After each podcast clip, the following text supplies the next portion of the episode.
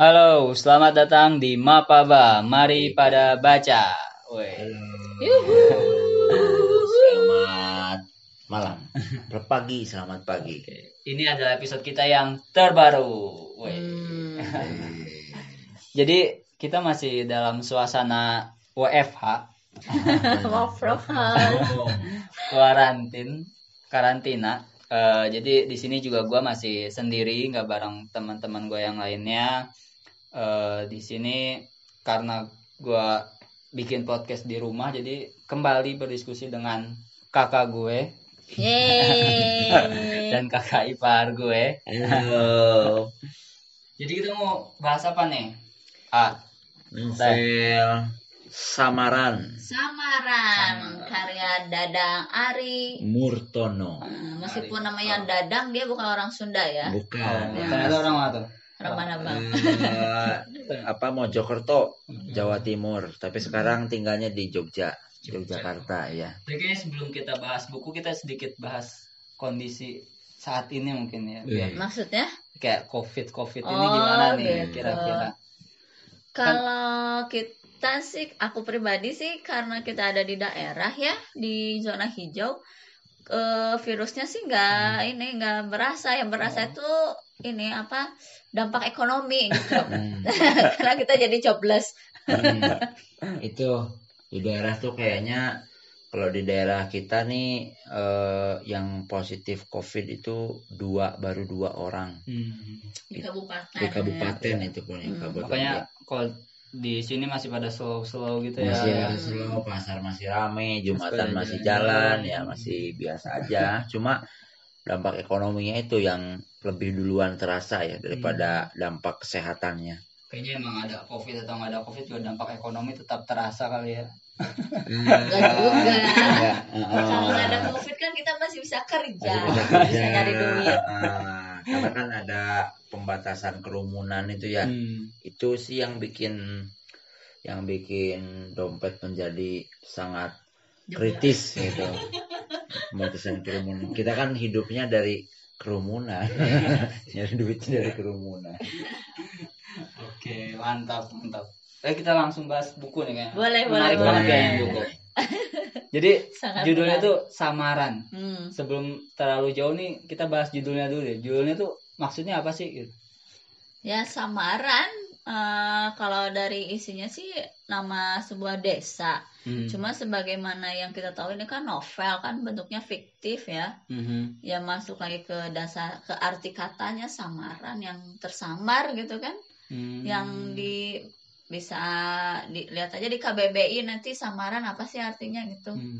apa sesuatu yang ditutupi atau sesuatu yang tersamar atau sesuatu yang disembunyikan Mhm. atau bukan sesuatu yang asli ya terserahlah gitu silahkan aja mungkin nanti setelah baca bukunya baru bisa ketebak eh, maksud samaran Maksudnya di sini samaran apa itu ya. gitu cuma kalau dari arti katanya kan gitu ya Hmm. Hmm. Oke. Hmm. Kalau dari AA sendiri ada nggak samaran tuh apa sih gitu?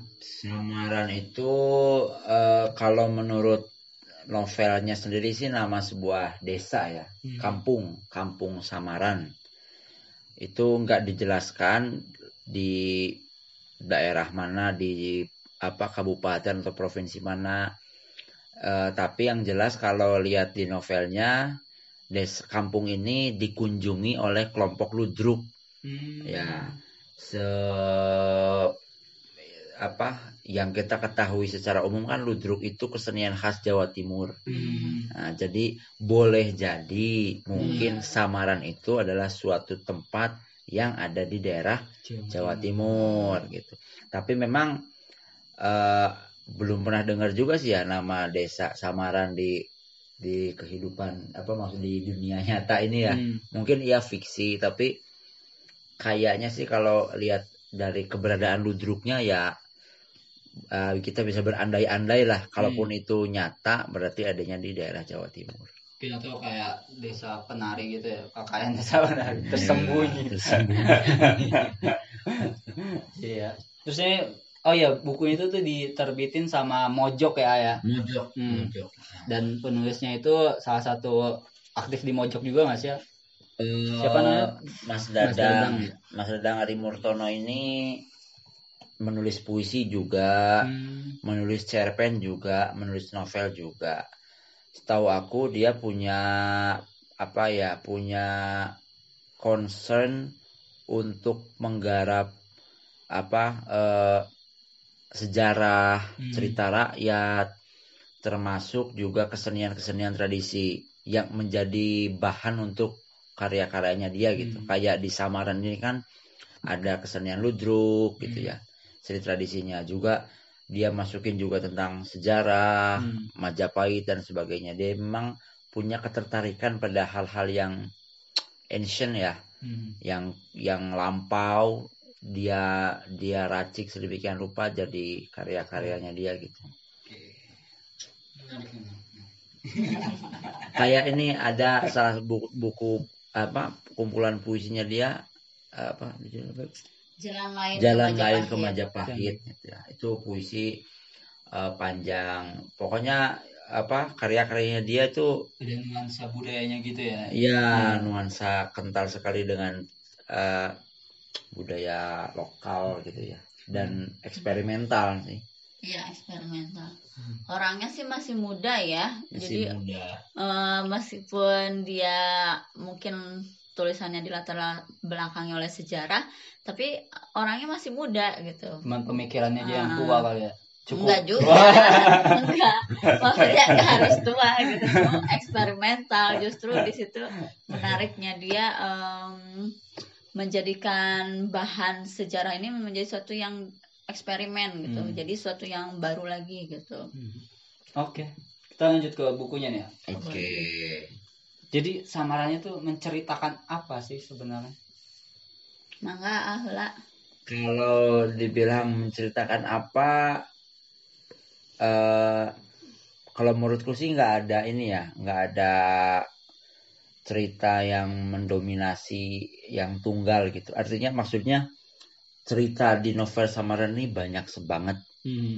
Hampir sem- bukan hampir lah. Semua tokoh yang diceritakan di novel ini tuh punya persoalan dan kisahnya sendiri-sendiri Hmm. gitu Hmm. ada eh, Mat Ali, ada tokoh namanya Mat Ali, ada Biung, Biung Hmm. tuh ibunya Mat Ali, ada bapaknya Mat Ali, ada tokoh dukun Hmm. dan macem-macem lah, ada Sano, apa, Yati Gendut, Marjiin ya ba- banyak Hmm. tokoh dan masing-masing tokoh ini tuh punya ceritanya sendiri-sendiri, punya persoalannya sendiri-sendiri gitu.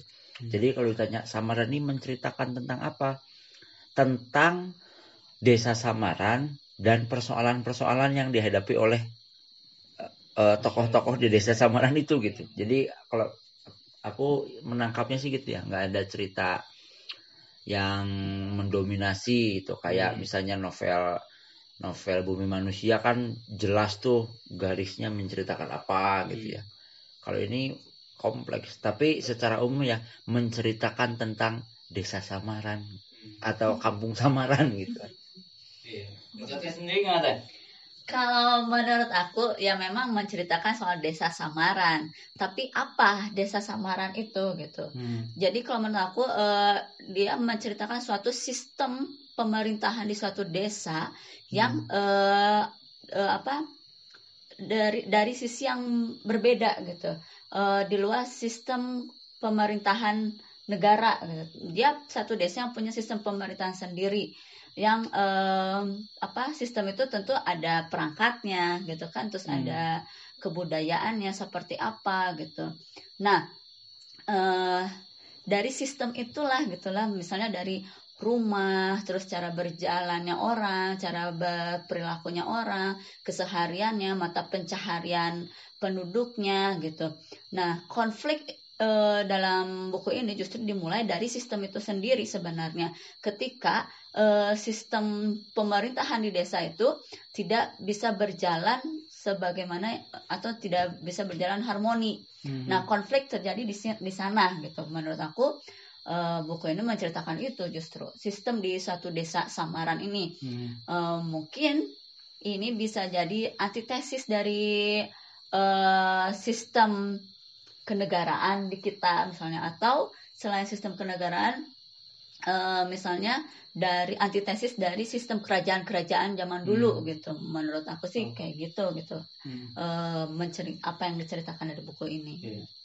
Eh, jadi gue juga sempat baca ya eh, buku ini beberapa halaman sih karena belum sempat full dan emang yang menarik di buku ini tuh adalah di mana setiap kegiatan setiap apa pem- bukan pemerintahan sih lebih ke apa ya eh, budaya dan norma-norma di situ dibentuk dari sejarah sejarah sebuah kerajaan gitu ya kerajaan Majapahit kalau nggak salah. Jadi ada beberapa aturan yang emang muncul karena ada cerita sejarahnya gitu Hmm. gitu Mm-mm.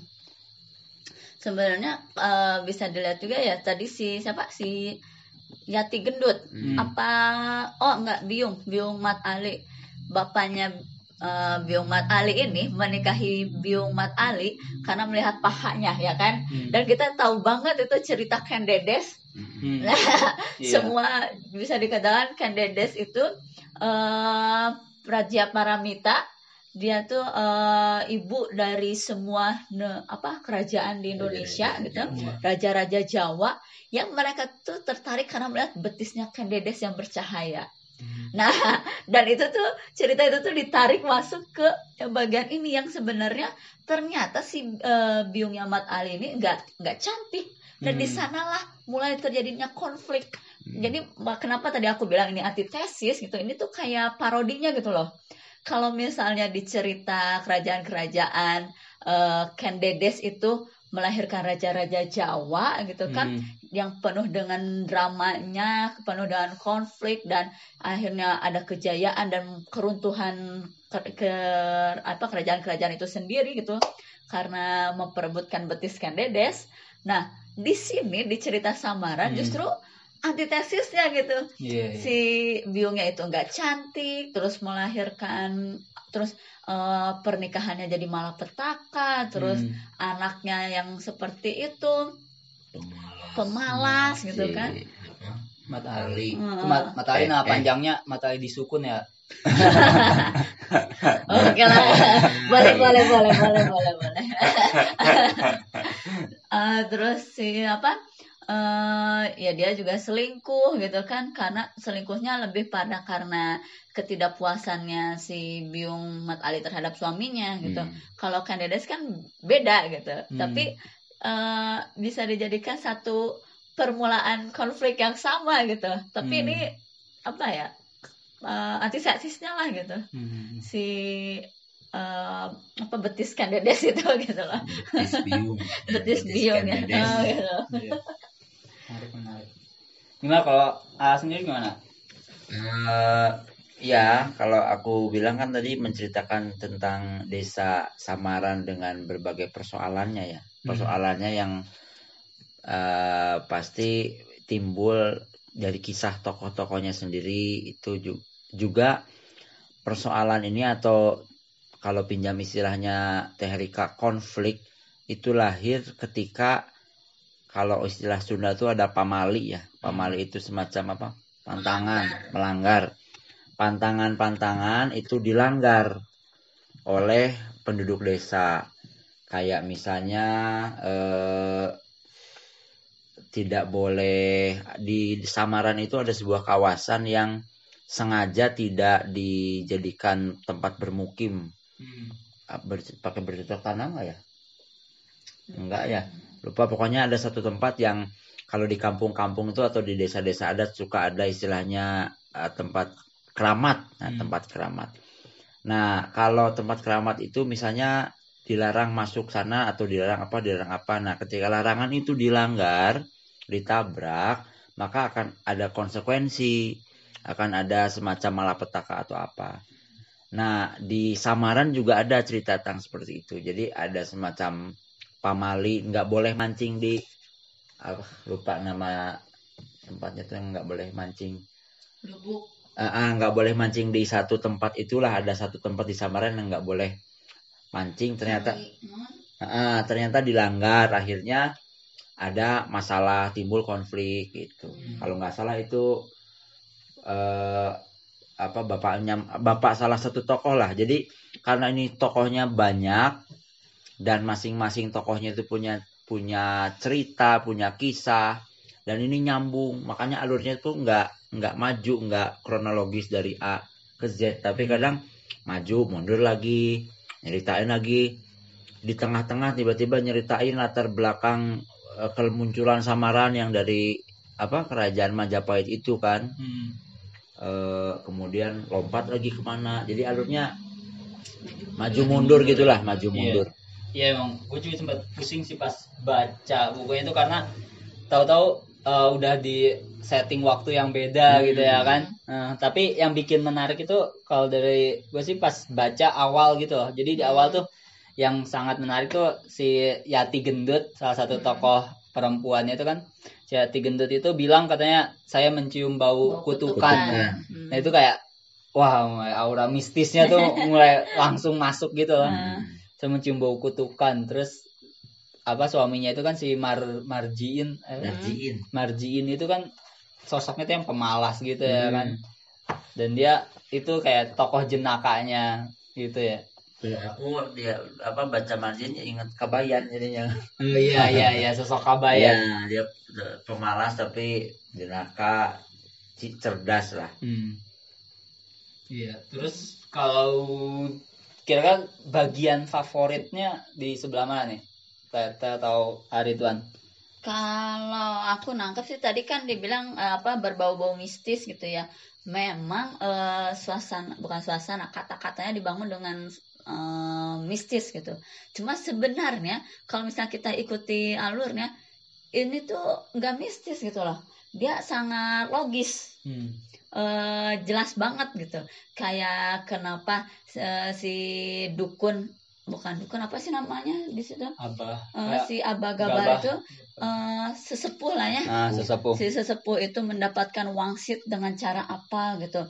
Setelah dia makan eh, jamur, Nah, jamur lalu berhalusinasi. Itu kan sebenarnya ada teorinya gitu Nah. kan. Yang bikin dia berhalusinasi Memang. memang ada gitu. emang jamur yang bikin mabok Ah, memang jangan. Cuma dia dia berpikir bahwa wah dia mendapat wangsit gitu. Terus Hmm. dalam mimpinya dia harus anu. Nah, jadi eh, lebih pada itu lebih pada keyakinan sebenarnya gitu. Hmm. Eh, bukan bu- apa?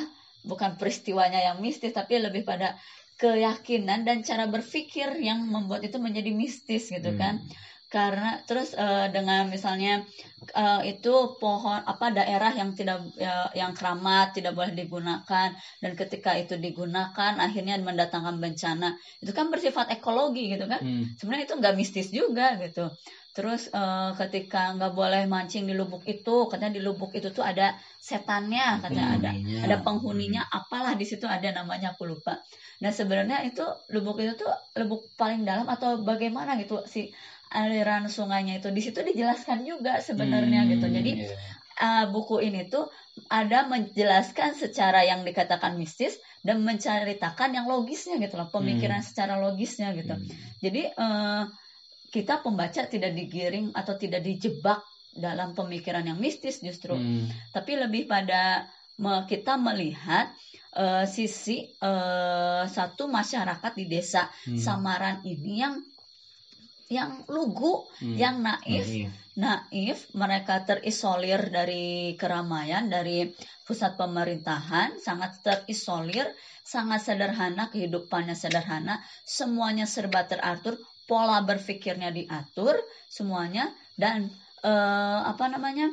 Ketika eh, ada orang baru membawa bentuk baru misalnya yang ludruk itu kan dia membawa eh, bentuk baru kan ke daerah Hmm. sana orang-orangnya sangat dilihat kan mereka tuh sangat antusias terus kata si pemimpin ludruknya itu saya baru pertama kali katanya apa dibayar dengan ikan Hasil hasil bumi ada yang bawa ikan dapat mancing Heeh. ada yang bawa beras bawa apa gitu saya baru pertama kali di sini gitu dibayar Hmm. kayak gini gitu Hmm. bisa dilihat gitu jadi kita membaca Samara itu lebih pada membaca bagaimana cara berpikir Hmm. orang yang eh, cara berpikir masyarakat yang naif gitu Hmm. yang mungkin sebenarnya si Mas Dadang ini punya maksud sendiri gitu loh untuk eh, menggambarkan eh, penduduk ini tuh maksudnya nah sih disamarkan gitu sebenarnya ini tuh sebenarnya mau menceritakan siapa Hmm, gitu kan hmm. gitu tapi dia juga menjelaskan yang peristiwa secara logisnya gitu Hmm. loh.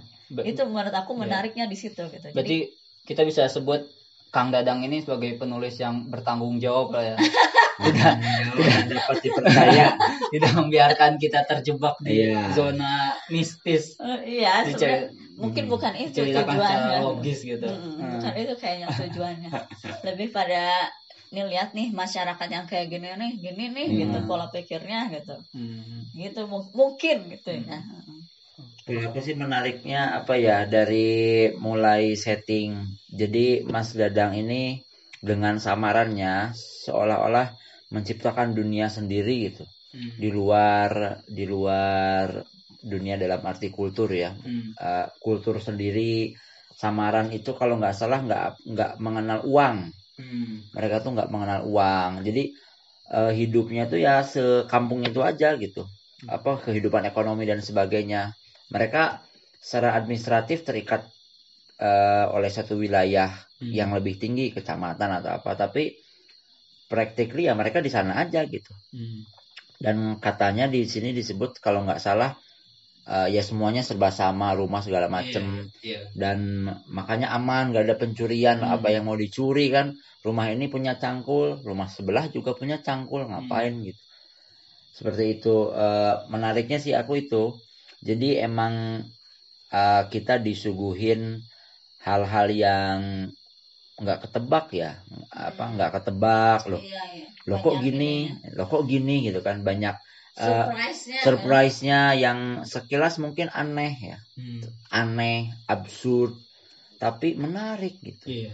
menarik kan emang orang tuh sukanya sama yang aneh-aneh kan kalau yang kalau yang kalau yang nggak aneh apa ya asiknya gitu Hmm. kalau menurutku itu eh, kalau ditanya bagian yang menarik banyak ya banyak hal karena itu tadi eh, kalau menu itu ya cukup lengkap lah. Sejarahnya ada. Eh, kalau tadi istilahnya mistiknya ada. Kliniknya. Terus logika logikanya juga ya eh, diterpertahankan. Hmm. nggak kemudian kita dibawa ke sebuah novel yang gelap gitu ya tanpa rambu-rambu. Masih ada rambu-rambu. Jadi jangan takut kesasar baca samaran ini. Iya. Dan novelnya juga cukup singkat ya ya, cuma 200 halaman saya lihatnya. Mm-mm. Cuma 200 halaman. Kalau nggak ada kerjaan sehari juga beres. ya untuk mengisi lockdown Hmm. Dan emang bener sih tadi gue juga baca novel ini kan emang eh, menurut gue yang menarik di novel ini tuh adalah ketika dia menceritakan bahwa eh, apa ruang tamu itu adalah sesuatu yang fana guys, sesuatu yang yang tidak berfungsi gitu. oh Karena saking saking dekatnya tetangga itu langsung ke dapur Iya orang tuh bertamu. langsung ke dapur dan katanya kalau kalau orang ke dapur berarti dia dianggap sebagai keluarga. Hmm. Kalau misalnya dia di teras diajak ngobrolnya berarti dia apa menganggap orang ini sebagai orang yang asik Hmm. gitu katanya. Tapi kalau misalnya di depan teras di depan dong berarti cuma tamu kayak gitu. Sebenarnya itu masih terjadi juga sih di Iya, kita. kampung-kampung heeh, masih. gitu. Iya. Begitu tetangga masuk ya langsung ke dapur gitu, Hmm. nggak ke depan. Gitu. tanpa assalamualaikum tanpa permisi "Eh," gitu. Ah, ya ada potret kearifan lokal lah Iya. potret kearifan lokal yang mungkin kalau di kota udah Udah enggak. agak jarang ya kayak kultur-kultur seperti itu kalau di Hmm. kampung ya masih lah Tapi asiknya Mas Dadang ini, dia pakai bahasa yang sangat bersahaja gitu loh. Hmm. meskipun ngejelimet gitu ya secara alur eh, apa eh, terus eh, ini juga merupakan apa novel by riset gitu kan terus juga eh, dia banyak datanya gitu Hmm. tapi bahasa yang dia gunakan penyampaian eh, eh, penyampaiannya sangat bersahaja gitu jadi kita Hmm. nggak pembaca nggak merasa nggak berat nggak bertele-tele gitu sangat jelas banget gitu apa yang mau yang dimaksud tuh kata itu ya langsung ke kata itu Hmm. gitu nggak Hmm. nggak pakai metafor metafor Nah, gitu dan tidak merasa diajak ke mana-mana dan Hmm. Nggak merasa digurui gitu kan Iya. asik aja ngalir gitu Emang Kang Dadangnya sangat bertanggung jawab ya. sangat bertanggung oh dan Top lah Kang Dadang. satu satu yang menarik novel ini juga nyinggung tentang ludruk ya Hmm. ludruk itu eh, pernah apa ya istilahnya pernah dipakai oleh eh, ini sejarah versi sejarahnya pernah dipakai oleh PKI untuk propaganda komunisme itu salah satu yang menggemparkan itu di Indonesia Ludruk itu pernah mementaskan sebuah lakon yang judulnya Matine Gusti Allah. Hmm. itu. Eh, aku pikir Mas Dadang juga pasti sampai ke riset itu. Makanya aku bilang agak cukup lengkap novel ini ada sejarahnya ada apa segala macam kita juga kan jadi mau nggak mau jadi oh duduk tuh apa sih? Kan jadi pengen Iya. tahu kan. Nah, nah, kok sampai di di Mantap. apa dibahas di novel bentuknya ini kayak gimana gitu. Ah, karena bentuk. kadang-kadang suka ketukar sama ketoprak gitu loh. kan nah, dulu ada eh, zamannya apa Mami Prakoso ketoprak ludruk Hmm. Hmm. Emang makin top lah Kang Dadang pokoknya. iya. Ini di sesi terakhir kita nih. Teh, ah, eh, karena udah banyak juga ternyata kita, panjang lebar juga. Eh, sesi terakhir adalah biasa. Dia di bagian terakhir kita ini podcast Mari Pada Baca eh minta dari pencerita buat memberikan alasan kenapa kita harus para pendengar ini baca buku ini. Ya, mulai dari siapa dulu nih ya? Teh. Pokoknya para pendengar semua harus baca buku ini karena eh, nggak biasa Hmm. novel ini kalau menurutku alasan pertama kenapa harus baca novel ini nggak biasa. Jadi kalau eh, ya aneh lah novel ini aneh, Hmm. unik, nggak biasa. eh, jadi kudu baca itu aja. Sip. Alasan paling kuatnya itu. Eh, pertama novel ini baru Hmm. ya, Ya. baru terbit jadi sangat fresh terus eh, terus yang kedua nyeleneh terus meskipun apa eh, jadi bisa disebut ini angkatan baru lah ya, angkatan baru dalam kesusastraan Indonesia gitu kalau yang sebelum-sebelumnya kan gaya-gaya Ayu Tami kan Hmm. yang bagaimana gitu bersastra dan sangat kali oh, dan bahasa-bahasa yang indah gitu. Yang ini bahasanya nyeleneh, eh, kata-katanya biasa aja, sangat keseharian, tapi kita terhibur.